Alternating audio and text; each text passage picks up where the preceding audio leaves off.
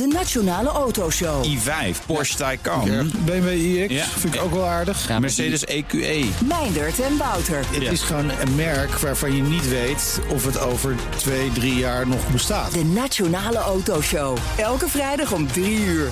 De Nationale Autoshow wordt mede mogelijk gemaakt door Van Mossel. Van Mossel, voor mobiliteit voor iedereen. Laten we dus gewoon helemaal netjes beginnen met te zeggen dat dit eh, Studio Den Haag is. Ja, vandaag met z'n tweeën, Mark. Leonard Beekman, ik ben Mark Beekhuis. Het is vandaag 19 mei, het is gewoon vrijdag. Ik bedoel, eh, je, je zei net, ik zat in de trein en ik zag mensen zich afvragen... had ik die toch vrij moeten nemen, hè? Ja, in de bus en in de trein hing er een sfeer van... waarom ik wel? Waarom ben ik wel op weg naar werk? Ja, En heb ik het zo slecht voor mezelf geregeld? Ja gewoon een kwestie van, tijd eh, vrijvragen, volgens mij. Dat Ja. hebben wij ook niet gedaan. Maar dat is ook goed, want er valt, hoewel er niks veranderd is in Den Haag deze week... eh, valt er toch een heleboel te bespreken. Ja, zeker. Dat is het wel, hè? Want het was natuurlijk hemelvaart. We Ja. hebben een dagje vrij gehad. Wat een heel gek gevoel. Ik had echt een zon, het gevoel dat het zondag was gisteren. Ja. Behalve dat ik met mijn dochter opstond, altijd vrij vroeg. En het eerste wat je dan doet, is in je app kijken. Hè, de, want hoe is het gegaan met het landbouwakkoord? Want toen ik, Voorbeeld. toen ik ging slapen, met hemelvaart moest er een landbouwakkoord komen. En alle partijen waren in Den Haag bij elkaar gekomen op een, op een landgoed. Om de puntjes op de i te zetten. Want we hadden natuurlijk in het begin van de week bij RTL hadden we een conceptversie van het landbouwakkoord eh, uitgelekt. Hadden we daar gezien. Hè? Wat, Ja. wat staat er ongeveer in? Dus daar zou je de conclusie uit kunnen trekken. Nou, ze zijn al heel ver. Er ligt een conceptversie.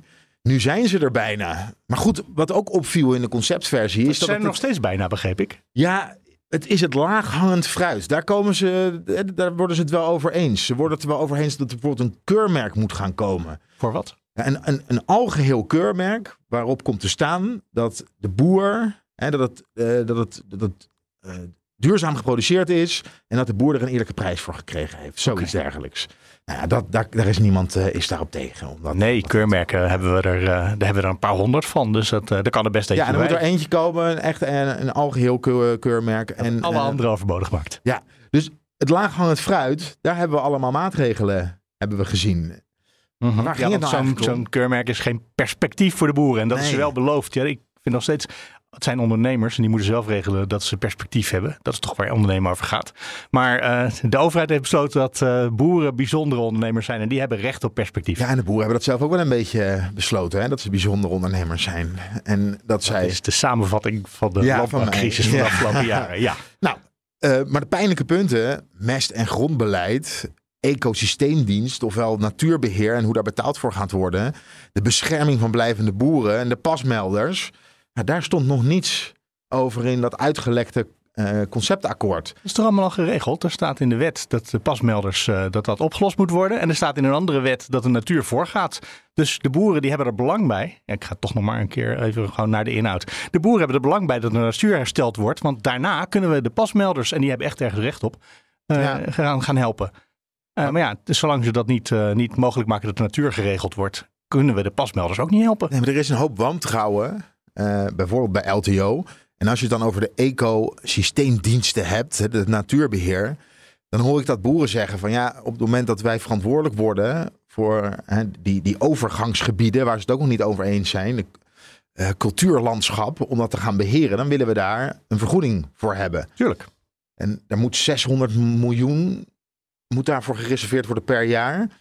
Maar eigenlijk vertrouwen ze niet zo dat de overheid daadwerkelijk, als ze nu zeggen, ja, dat gaan we voor u reserveren, dat ze dat over tien jaar nog doen. En dat, ze zijn bang dat over tien jaar dat ze zoiets hebben van, nou, dan, eh, hè, dan gaan we dan op bezuinigen. Ze moeten harde toezeggingen moeten er komen voor blijvende boeren. Wat te doen met grond van boeren die weggaan, die stoppen. Want als je wil extensiveren, dan heb je extra grond nodig, want je mag minder staartjes, las ik vandaag, op een hectare hebben. Dus minder dieren op een Minder hectare. beesten per vierkante meter. Ja, en eh, dan moet je dus extra grond moet je hebben. En ze willen toezeggingen dat als de boer, de buurman stopt, dat zij als eerste in aanmerking komen om het grond te kunnen kopen. Nou, en dat soort harde toezeggingen komen nog, nog niet vanuit het ministerie. Eh, en dat willen ze wel hebben. En dat heeft natuurlijk allemaal met geld te maken. Nou is geld van rubber, hoorde ik een woordvoerder eh gisteren zeggen. Eh, daarmee bedoelt hij eigenlijk... Feitelijk niet waar. Maar Ja, wat, nee. wat, ja, wat bedoelen ze daarmee? Nou, daar bedoelen ze mee dat geld, eh, daar valt altijd nog wel over te praten. Alleen ook, wat is er nou in die nacht gebeurd rondom dat landbouwakkoord? Er wordt niet alleen onderhandeld tussen politici en belangengroepen. En dat zijn niet alleen de boeren, maar ook de supermarkten, de banken. Ehm, maar er, wordt, er zit ook een hele batterij ambtenaren zit daarbij. En op het moment dat er een politiek gezien gezegd wordt, nou misschien kunnen we eens kijken of er een, eh, of er een mogelijkheid is. Of we wat ruimer met mest bijvoorbeeld, hè, voor de, de regels een beetje kunnen buigen. En dan zit er een ambtenaar en die zegt, ja dat krijgen we niet in Brussel verkocht. Die trapt dan op de rem. En jij maakt nu de ambtenaren, maak jij het probleem. En juristen zitten erbij. Nee, het zijn niet het probleem. Dat zijn, zijn, eigenlijk die de de- ondersteuning bieden. Die zeggen, u, u eh, wilt over iets praten wat in de praktijk geen oplossing gaat Nee, bieden. Dus hier maak ja, je het precies. probleem weer Dus stop- groter mee. Stop, stop maar met hier, want Ja. het is, u bent de verkeerde weg ingeslagen. En dan moeten ze opnieuw gaan, eh, moeten ze gaan zitten. En ik hoorde ook dat het een soort, ja, die nacht eh, heeft er een, eh, ja, in gedachten een stoplicht gestaan. Die stond heel vaak op rood, af en toe op oranje en af en toe, heel af en toe op groen. En dat wisselde nogal. Het zijn stevige onderhandelaars. Ook zo'n Sjaak van het Tak van LTO. Die weet echt wel hoe die, eh, hoe die zijn achterban moet, eh, moet vertegenwoordigen. En wat hij moet binnenslepen. Eh, en er werd keihard onderhandeld. En het gevoel dat overheerste, maar dan hoor ik dat ook, hè, tweede hand. Maar het gevoel dat overheerste is toch wel van alle partijen. Op het moment dat we nu stoppen met praten, dus we zetten de stoplicht definitief op rood. Dan hebben we niks. Ja, en dan, weten we ook niet. want dan weet je dat de zijn. minister iets gaat besluiten. Want dat heeft hij aangekondigd. Hè? Als er niks komt, ga ik zelf wat kiezen. Ja, dan gaat hij zelf wat En kiezen. dat is natuurlijk niet wat de boeren willen, want die hebben tot nu toe dingen al, onder, al binnengehaald. Dus als ze dat allemaal weer kwijtraken, die moeten door blijven praten. Ja, maar waar zijn we dan? Dan zijn we een jaar verder. Hè? Vorig jaar in juni werd eh, het programma eh, Landelijk Gebied werd, eh, gepresenteerd. Het Nationaal Programma Landelijk Gebied. Met dat beroemde stikstofkaartje. Ja. En de perspectiefbrief van toen de tijd, toenmalig minister eh, voor, van Landbouw, Staghouwer. Waar er ontzettend veel kritiek op kwam. Nou, we hebben een zomer gezien waarin Staghouwer zijn perspectiefbrief moest herschrijven. Dat lukte hem niet. Uiteindelijk stapte hij op. Ja, Voordat Remkes met zijn advies kwam, kwam er een nieuwe minister. Er moest een landbouwakkoord gaan komen. Als het landbouwakkoord eh, er daadwerkelijk niet komt, moet je naar iets toe wat op een perspectiefbrief leidt. Nee hoor, dat hoeft dan niet meer. Dan kan de minister gewoon iets kiezen. Die kan zeggen, dit hebben wij voor Nederland nodig. En de boeren passen zich maar aan. Ja, maar dan zegt hij, dit is het perspectief. Zo Ja, gaat nou ja, het, maar gaat dan- worden. Dat, Ben je geen dan- fluit opgeschoten, toch? In een Eh, jaar tijd. nou, als land wel, als boeren niet.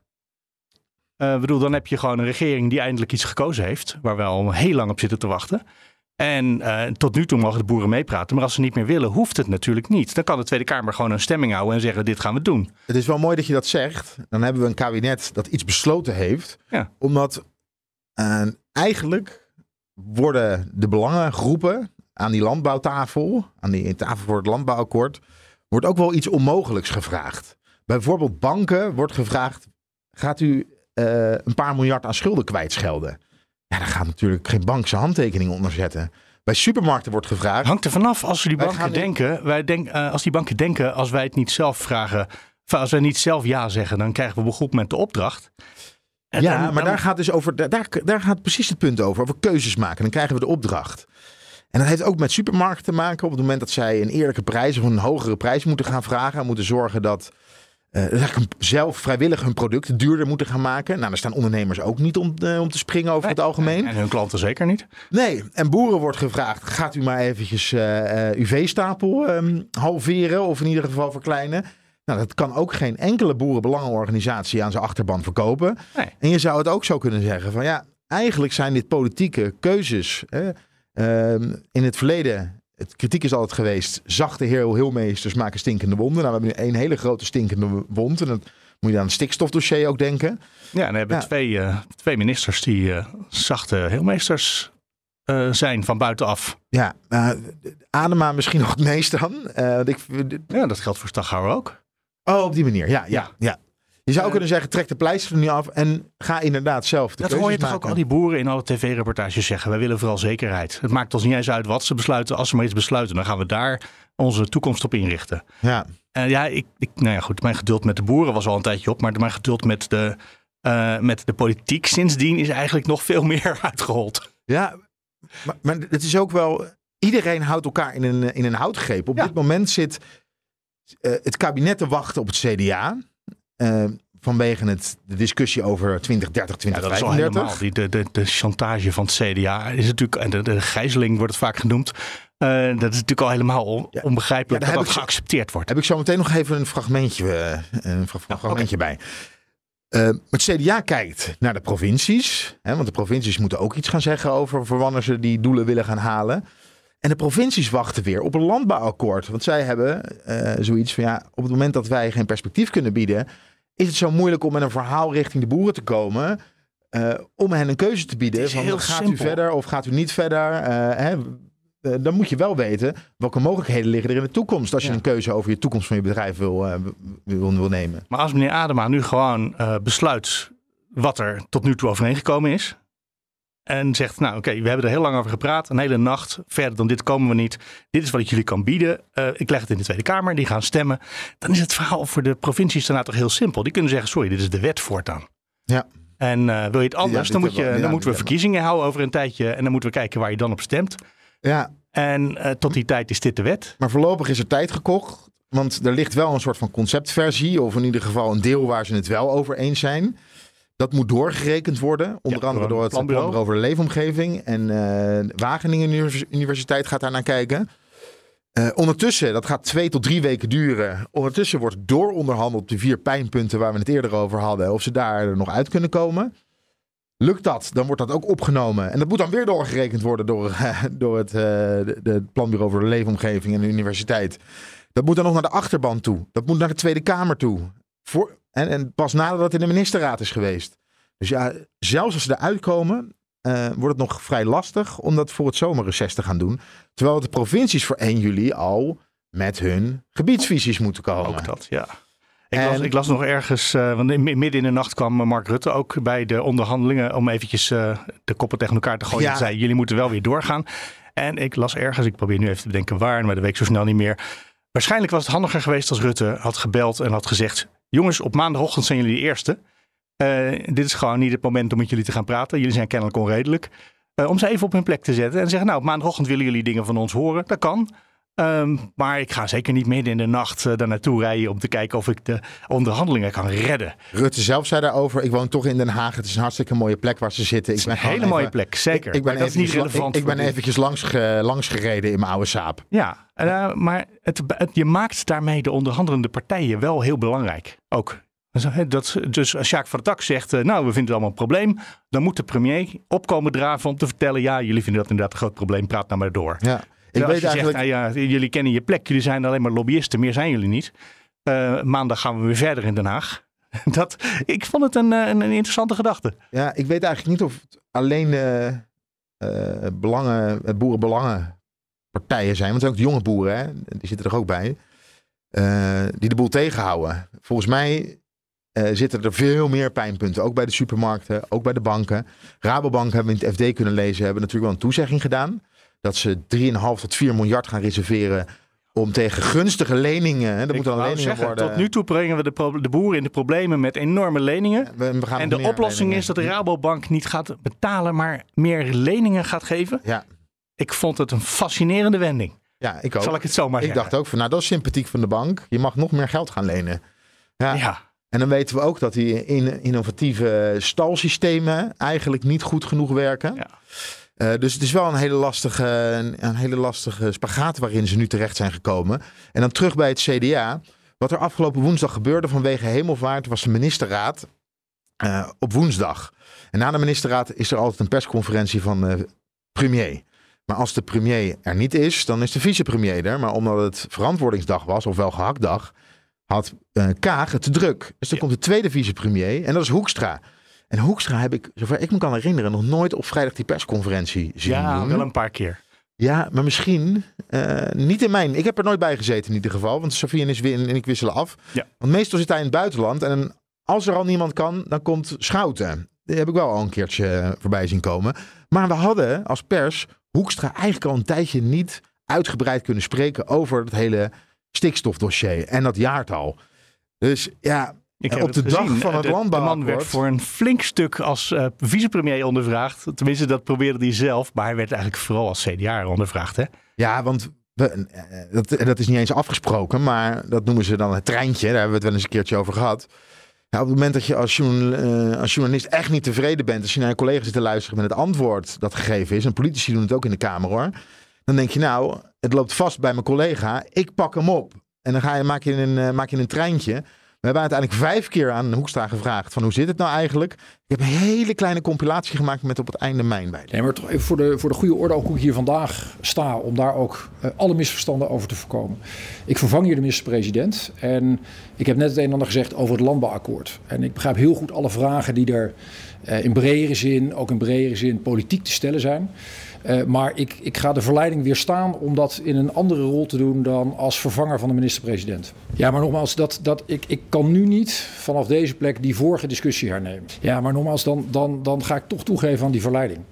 Eh, en volgens mij moet ik dat niet doen. Want ik sta hier namens het hele kabinet, namens alle leden van het kabinet, eh, om met u in gesprek te gaan over de ministerraad en over wat er verder op dit moment in de samenleving speelt. Als er vanavond geen tussenakkoord ligt, gaat u dan als CDA-leider onderhandelen over de stikstofparagraaf? Nou, ik ga vooral geen uitspraken doen vandaag vanaf deze plek eh, als CDA-leider, want ik sta hier namens het kabinet. De provincies zijn op dit moment aan het onderhandelen. Uh, ook over de opgaven, de grote opgaven die er op dit moment liggen voor het landelijk gebied. Op het gebied van water voor 2027, klimaat 2030. En Van der Wal, minister Van der Wal heeft daarover gezegd. Nou, op het moment dat je die opgave hebt, is het heel gek om stikstof vijf jaar later te parkeren in 2035. U als vicepremier, zeg ik er even duidelijk bij. Uh, onderschrijft u dat, wat Van der Wal daar zegt? Weet u, ik, nogmaals, er zijn, er een heleboel dingen die uh, we eerder met elkaar besproken hebben over dat jaartal. Uh, in een andere gelegenheid, in een andere hoedanigheid. Maar het heeft geen zin, zeker niet op een dag die zo belangrijk is, maar ook zo teer en gevoelig is, daar waar het gaat over het landbouwakkoord. Ehm, als ik allerlei van dit soort zaken nog weer van commentaar ik, ga voorzien. We, we hebben het net eerder... over eenheid van kabinetsbeleid. En het kabinet spreekt met één mond. Zeker. Dit is een hele simpele vraag. U bent ja. vicepremier in een kabinet waar een minister zit die gezegd heeft: het is. Uh, het, is een, het, het, uh, het, verplaatsen naar 2035, op het moment dat je ook met klimaat en water aan de gang moet gaan, is eigenlijk niet realistisch. Dus vraag ik u als vicepremier, onderschrijft u dat? Nee, maar voor de goede orde. We hebben in een debat waarin uh, minister uh, Kaag bij was, uh, waar de minister-president bij was en waar ik zelf bij was, hebben wij alle drie aangegeven dat, los van het punt eerder gemaakt door het CDA over heronderhandeling, uh, alle bewindspersonen het regeerakkoord onderschrijven tot het moment van heronderhandeling. Maar ik ga die discussie hier verder niet met u hernemen, want dat maakt het alleen maar complexer. En ik sta hier namens het hele kabinet. Ja, u staat hier namens het hele kabinet, maar eigenlijk, hè, ik vraag u simpelweg om met één mond te spreken, dat lukt u niet. Ondertussen wordt er aan een landbouw, uh, over het landbouwakkoord gesproken aan een tafel. Waarbij u eigenlijk van deze mensen het, dat wel eist. Hè? Met elkaar uit te komen. Probeer met elkaar naar buiten te komen en met een plan voor de toekomst voor de landbouw te komen. En dat lukt het kabinet zelf niet. U kunt hier niet eens de woorden van uw collega minister onderschrijven. Volgens mij heb ik net gezegd dat alle bewindspersonen het, uh, niet alleen de, het, principe van eenheid van kabinetsbeleid uh, onderschrijven, maar ook het regeerakkoord onderschrijven.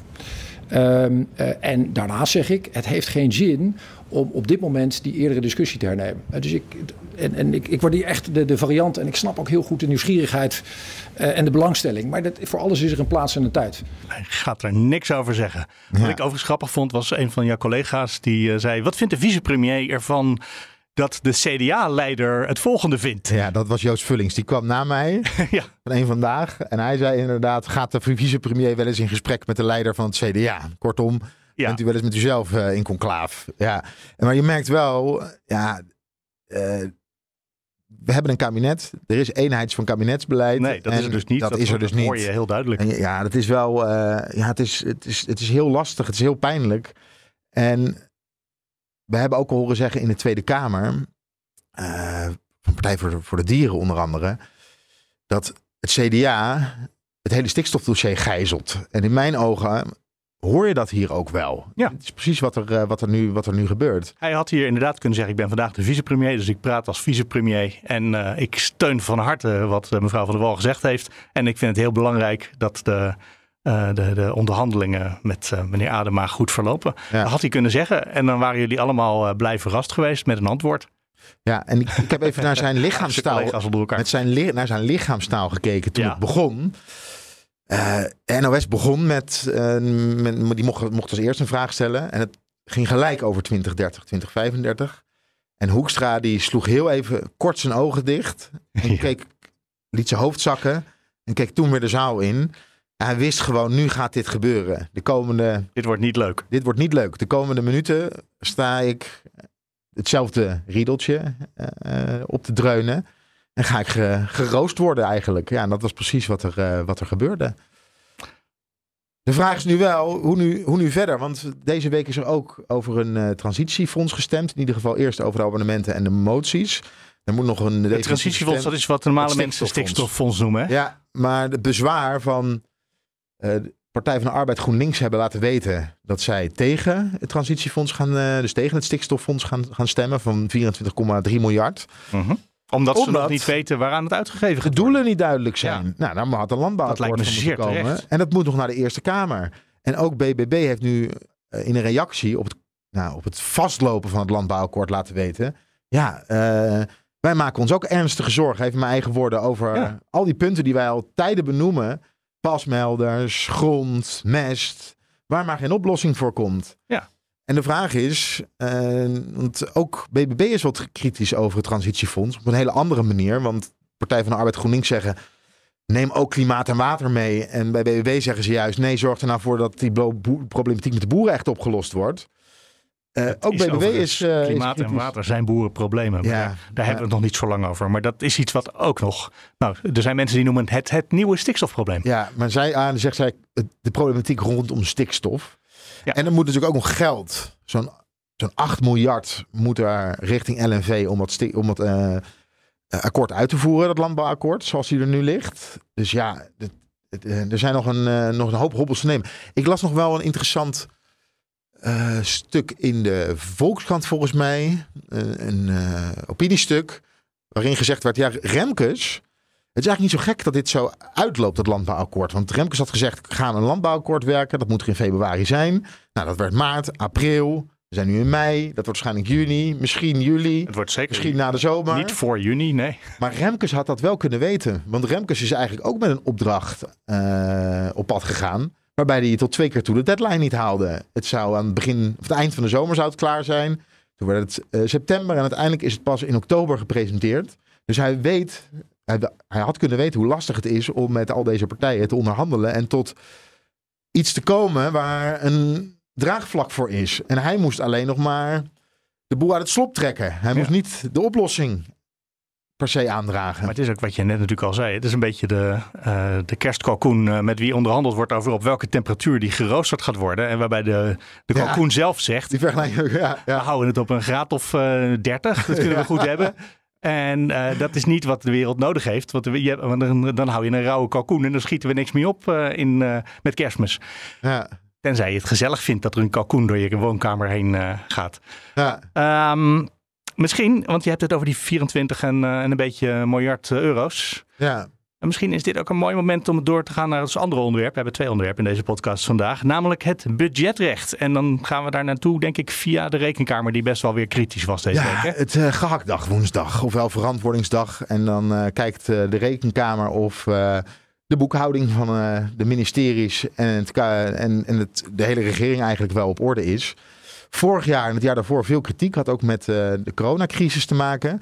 Ehm, en dan wordt er gekeken naar of het geld doelmatig wordt uitgegeven. Dus ook of en, verantwoord en doelmatig wordt uitgegeven. Dus eh, komt al het geld terecht waarvoor het bedoeld is. En nou zeggen ze niet dat het geld niet op de goede plek terecht komt, maar wel dat het niet goed genoeg gecontroleerd kan worden. Ja, we weten of niet het- of het geld goed besteed wordt. Ja, en dat is natuurlijk niet met de hele begroting. Het is al beter dan de jaren daarvoor, maar het bedrag. Hè, Ja, maar wel bij heel veel ministeries. Heel veel er grote ministeries. problemen waren. Hoeveel waren het ook weer? Elf of zo? Ja, ik geloof het wel, ja. Het, het, het was- veel. Maar Ja. de- bij VWS eh, zit nog steeds het grootste probleem. Heeft nog steeds met de nasleep van corona ook eh, te maken. Ehm, en, dan, en dat is één, één pijler. En de tweede is, ehm, hoe wordt er begroot? En je hebt incidentele, en dan komt er zo'n woord waar ik heel veel moeite mee heb, Mark. eh supplementaire begrotingen heb je. Incidentele supplementaire begroting. Oké, dus dat is een, even een wijziging ISB. in de loop van een jaar. Ja, Dus zeg je, we moeten iets extra's uitgeven of we moeten iets veranderen aan de budget. Ja, en dan moet je voor naar de Kamer toe gaan. En toestemming voor vragen. Dat is voor eh, ruim 40 miljard is dat, gebe- is dat gebeurd. Alleen bij eh, ruim 21 miljard is het eerst is het beleid gemaakt en het geld uitgegeven. Hè, in ieder geval eh, gereserveerd. En daarna, dus achteraf pas, is toestemming aan de Kamer gevraagd. Eigenlijk meer een mededeling Daarmee- krijg je dan. Ja, daarmee schenden ze het budgetrecht. Ja. En Omzicht is daar ontzettend kritisch op. De VVD is daar heel kritisch op. De SGP is daar heel kritisch op. Er ligt ook al een motie van de Kamer. Stop daar nou eens mee. Want eigenlijk is het bedoeld, in rijksbelang kan dat. Maar op het moment dat er bijvoorbeeld een brug op instorten staat. Als er je moet per direct. Ja. als er een overstroming is. Begin van de coronacrisis is daar een goed voorbeeld van. Maar het wordt nu wordt het als instrument gebruikt. eh, ook als er niet een acuut, acuut probleem is. Een acute crisis waar op dat moment per direct geld voor nodig is. Ja, en dan is het gewoon veel te veel. Maar wat mij opviel, eh, de Volkskrant had daar al over gepubliceerd. En op eh gehaktdag mogen wij eh, de minister van Financiën interviewen. En toen werd daar een vraag over gesteld. En het gebeurde door Ongehoord Nederland. Nou, een Ongehoord Nederland en Sigrid Kaag, dat zijn niet de beste vrienden. En Sigrid Kaag wimpelde ze een beetje af. Want hij las een voorgenomen, een vraag die hij mee had gekregen voor. En kon daarna nog niet op inhaken. En toen was het volgende het antwoord van Sigrid op waarom wordt er nou geld uitgegeven waarbij de Kamer buitenspel wordt gezet. Nee, er zijn verschillende dingen hier. Uh, als je het hebt over uh, incidenteel suppletoire begroting en ISB, dan heeft dat altijd het hele traject van goedkeuring van de Kamer. Dat is niet zonder goedkeuring van de Kamer. Er volgt ook op speciale momenten, in crisisperiodes is dat gebeurd, corona zeker, dan volgt er achteraf nog steeds toestemming. Het punt van, denk ik, het Volkskrant-artikel ging over incidenteel versus structureel. En dat er nog te veel, vanwege de acute situatie, ook vorig jaar die heeft plaatsgevonden, dat ministers buiten de reguliere begrotingsmomenten nog een begrotingsverzoek naar de Kamer sturen. Dat heet een ISB. Wat is het volgens u dan de scheidslijn tussen incidenteel en structureel? Nou, um, het gaat om een patroon wat onderkend is, dat het nog te vaak voorkomt. Wat u ook ziet, dat er dit jaar al veel minder gebruik van wordt gemaakt. En vorig jaar, als je kijkt naar defensieuitgaven, humanitaire steun aan Oekraïne, opvang van vluchtelingen in Nederland, dat daar niet op gebudgeteerd was. En dan ben je als kabinet, dat valt binnen de begrotingswet, de comptabiliteitswet heet dat, dan heb je het recht om het op die manier te doen. We proberen dat al heel erg te minderen. Het is nog steeds meer vorig jaar dan we hadden gewild, maar er vindt altijd parlementaire controle plaats. Dat is een soort antwoord. Ja, en ze bagitaliseert het. Zij zegt eigenlijk, ja, die ISB mogen, dat klopt ook. Uh, dat is gewoon een wijziging op de begroting. Daar vragen we netjes toestemming voor. En uh, dat is incidenteel en dat kan gebeuren. En dat Volkskrant-stuk ging, ging daarover. Over incidenteel. Hè, een ISB in. Uh, een, ja, ze verlegt het antwoord op de vraag ja. naar een andere vraag en, dan gesteld werd. Ja, en Ongehoord Nederland liet zich afwimpelen. Maar er was wel degelijk kritiek op juist het schenden van het budgetrecht. Dus daar heb ik nog wel even op doorgevraagd. Zeker, dat is, het is onwenselijk. Wij drukken er ook heel erg op. Je ziet nu ook vorig jaar al, uh, ook door het werk van de taskforce, dat departementen expliciet moeten uitleggen waarom ze überhaupt gebruik willen maken, welke omstandigheden, met welke reden uh, van uh, de uitzonderingspositie die ze wellicht hebben. Het zijn vaak een hele specifieke casus het geval, maar wat ik wel heb gezien toen we daarmee begonnen, dat het ook een, het kan een ingeslepen gewoonte zijn. Uh, en dat moet natuurlijk niet. Een ISB moet al de uitzondering zijn en gebruik maken van artikel 2.27. Er moet hoge uitzondering zijn. Dat is een soort force majeure. Dat, dat patroon zien we nu weer, daar zien we een positieve ontwikkeling in. Als je kijkt naar de eerste maanden van dit jaar. Daar hebben we nu niks aan, want dat wordt nog niet geconstateerd door de Algemene Rekenkamer. Maar we zitten er heel scherp op. Dus dit was op jouw vraag en niet ongehoord Nederland? Ja, dit was op mijn vraag, ja. En uh, dat is eigenlijk uh, een beter een beetje, antwoord. Ja, wat, wat, Zullen we dat zeggen? Nou ja, wat ik vond, ik dacht van ja, je merkt het ook aan de Kaagter houding. Ik snap, ik snap ook wel het ongemak bij ongehoord Nederland. Zeker omdat Kaag vaak de kop van Jut is. Maar op het moment dat er een inhoudelijke vraag gesteld wordt, blijven gewoon uh, collega's, van ons collega-journalisten, op het moment dat er een inhoudelijke vraag ook op verantwoordingsdag een relevante vraag wordt gesteld, is het niet zo netjes om ze af te wimpelen. Omdat je weet van ja, als ik het maar heel ingewikkeld maak, mijn antwoord, dan zullen ze er misschien wel niet uitkomen. Wat volgens mij ook gebeurde. Ja, nee, ja. nee zeker. Ze maakt het. Ze doet iets wat Mark Rutte in debatten ook wel doet hoor. Dus het is niet helemaal uh, nieuw voor haar. Die, maar Rutte geeft ook wel eens in debatten. Dan heb je urenlang heb je dat het doorettert en ettert en krijgt steeds dezelfde vraag. En dan de, de SP krijgt het antwoord niet. En uiteindelijk krijgt iemand van het CDA wel antwoord.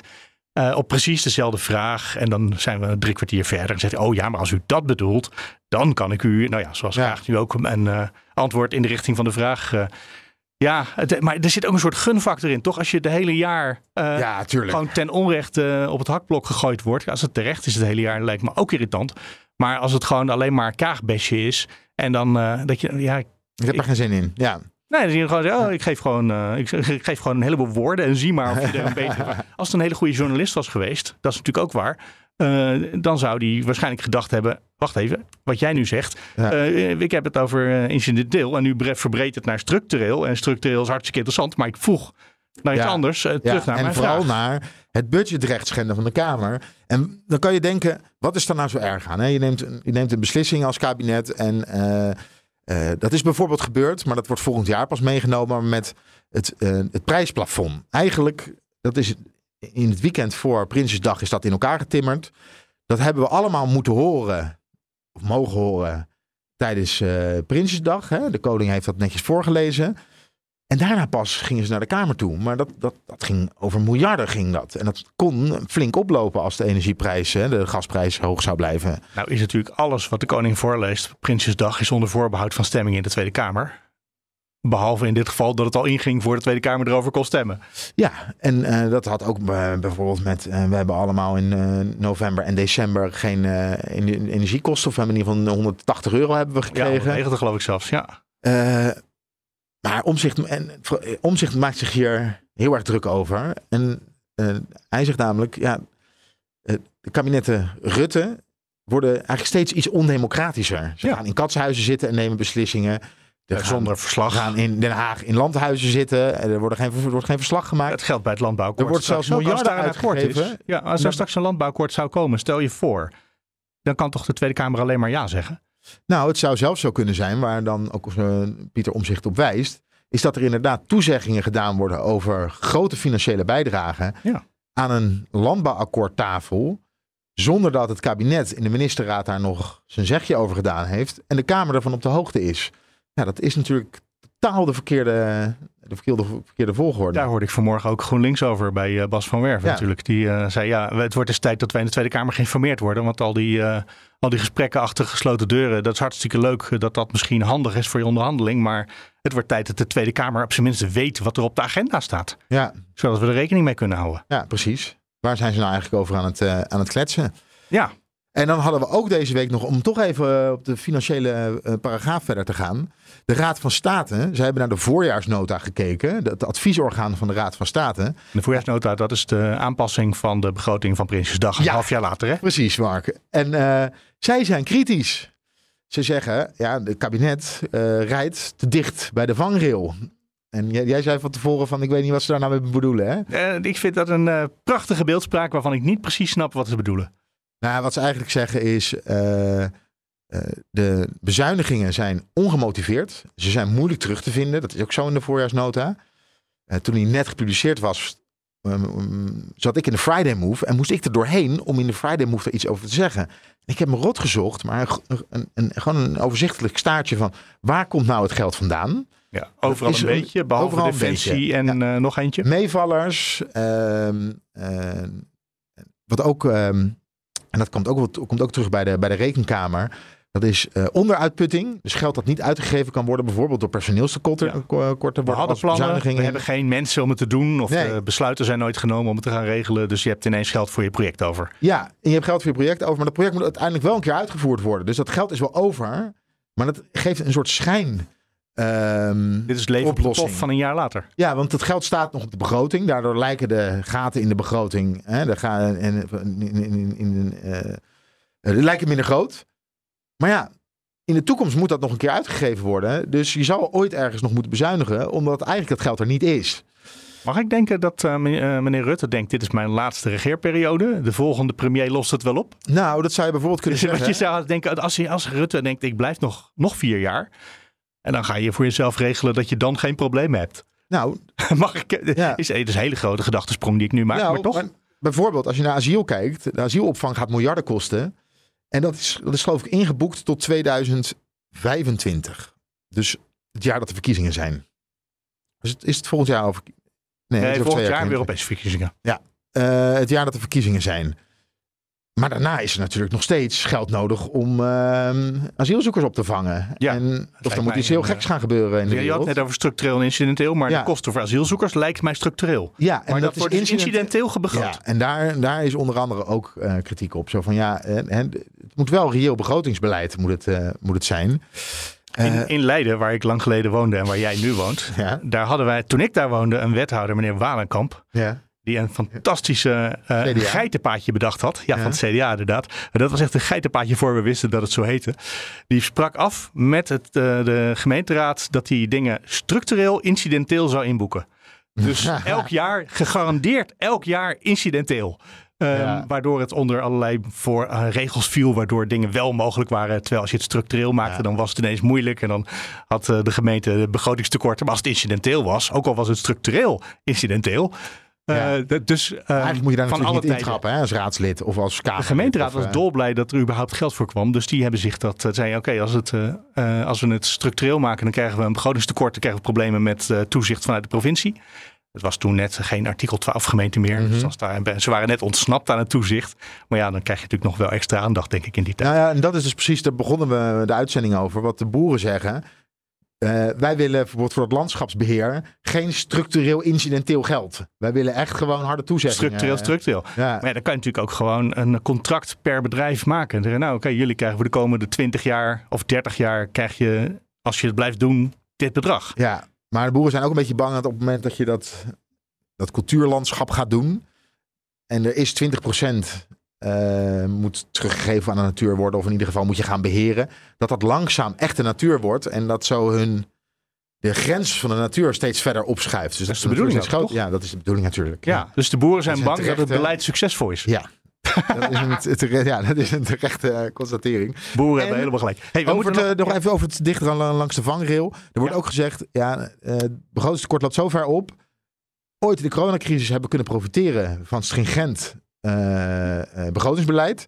Rutte 2 is zelfs wel streng, hè? Gewoon, streng, ja. gewoon heel zuinig. Ja, en, en volgens de regels. En Rutte 2 is natuurlijk daar vaak op afgerekend. Er is te veel bezuinigd, maar daardoor konden we wel de coronacrisis betalen. En ze zeggen nu, nou, als er weer een crisis komt, ja, dan hebben we geen geld meer. Kaag zei daar wel een beetje over. Van ja, uh, een crisis zie je nooit aankomen. Je weet nooit wat het gaat kosten. Dus het is altijd is het een verrassing wat, uh, wat er op je af gaat komen in de toekomst. In de afgelopen jaren hebben we zo'n beetje elk jaar wel een crisis. Ja. Dus wat dat betreft kan je het wel ongeveer eentje per jaar voorspellen, toch? We noemen nu ook alles een crisis.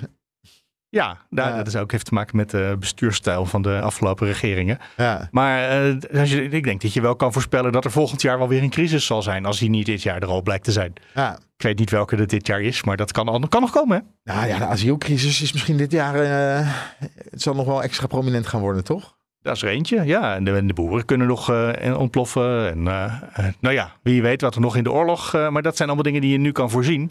Terwijl die crisis, dat gaat nou juist over de zaken waarvan we niet wisten dat ze kwamen. Ja, ja en ook de politieke crisis rondom het hele landbouwdossier. Dus zowel uh, stikstof als. Oh, ja, er kan nog een regeringscrisis komen. Nou ja, tuurlijk.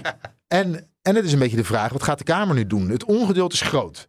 We zagen ook over. Uh, Adema moest heel even voor een twee minuten debat. Ook over het landbouwakkoord in, het, in de Tweede Kamer komen. Dat was de dag dat er gelekt was over het conceptakkoord. Bij Adema zag je grote frustratie dat er gelekt was.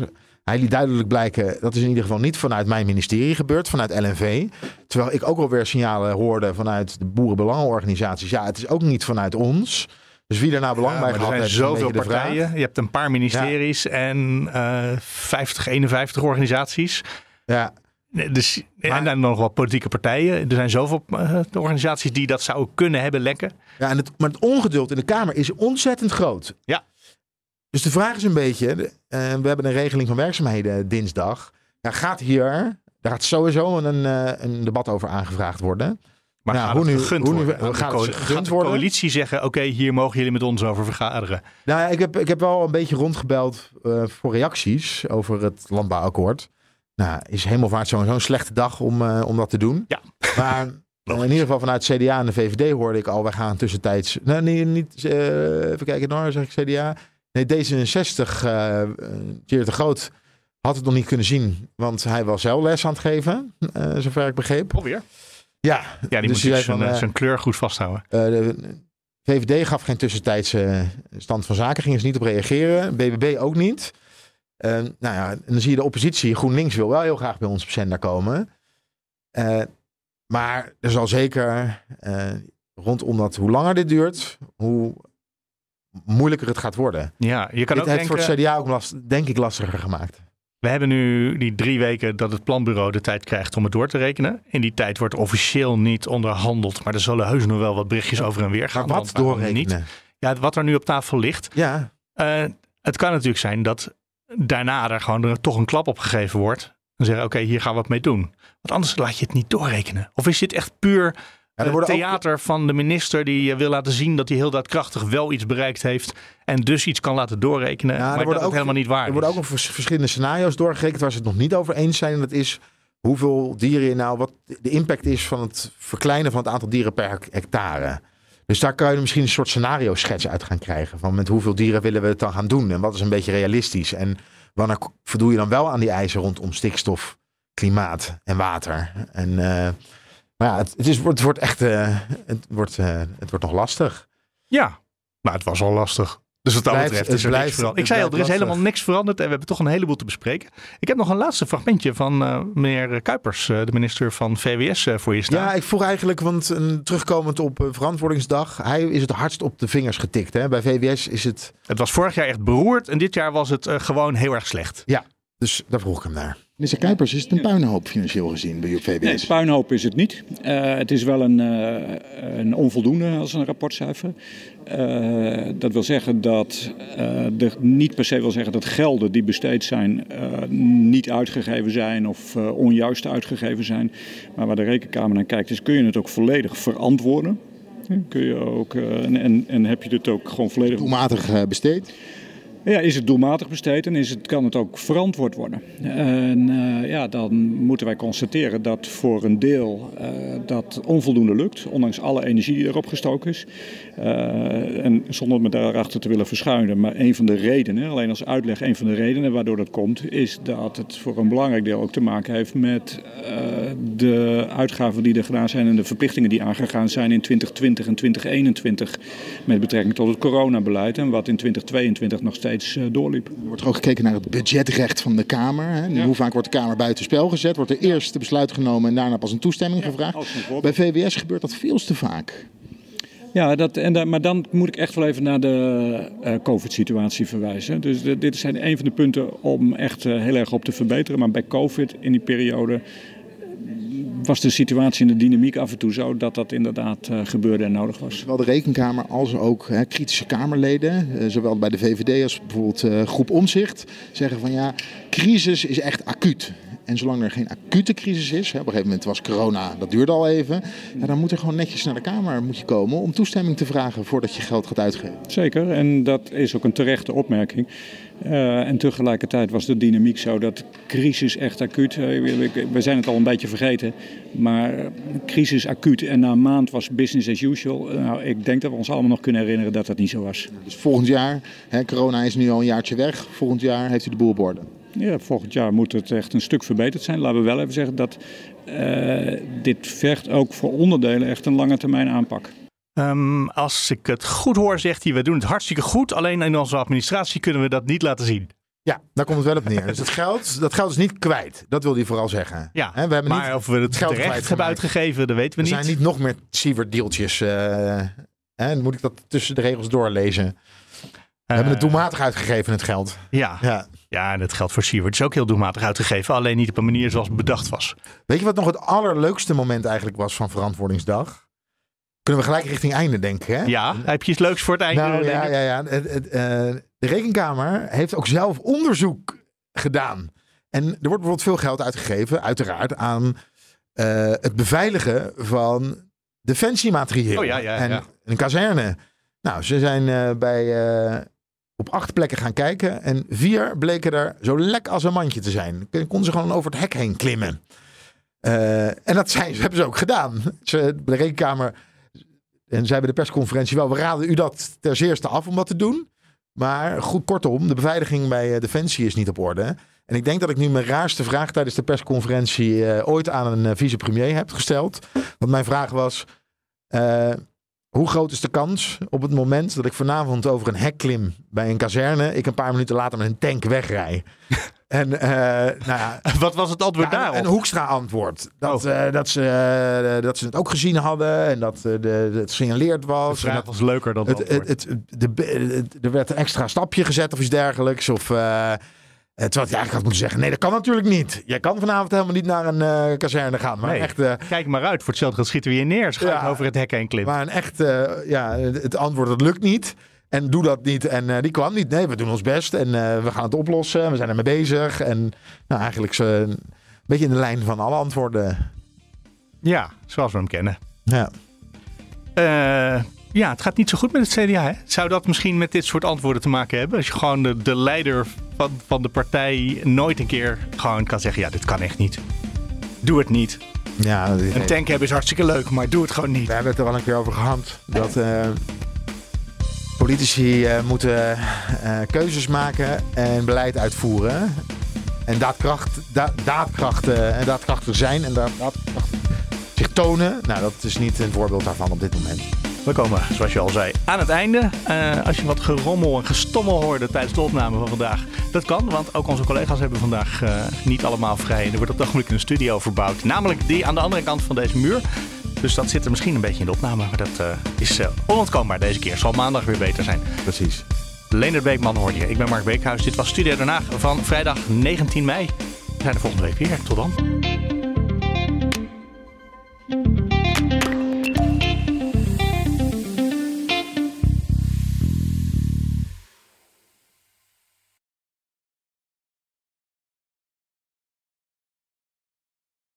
Ook Bas van Werven vind je in de BNR-app. Ja, je kunt live naar mij en Iwan luisteren tijdens de ochtendspits. Je krijgt een melding van Breaking News. En niet alleen onze podcast Ochtendnieuws, maar alle BNR-podcasts vind je in de app. Download nu de gratis BNR-app en blijf scherp.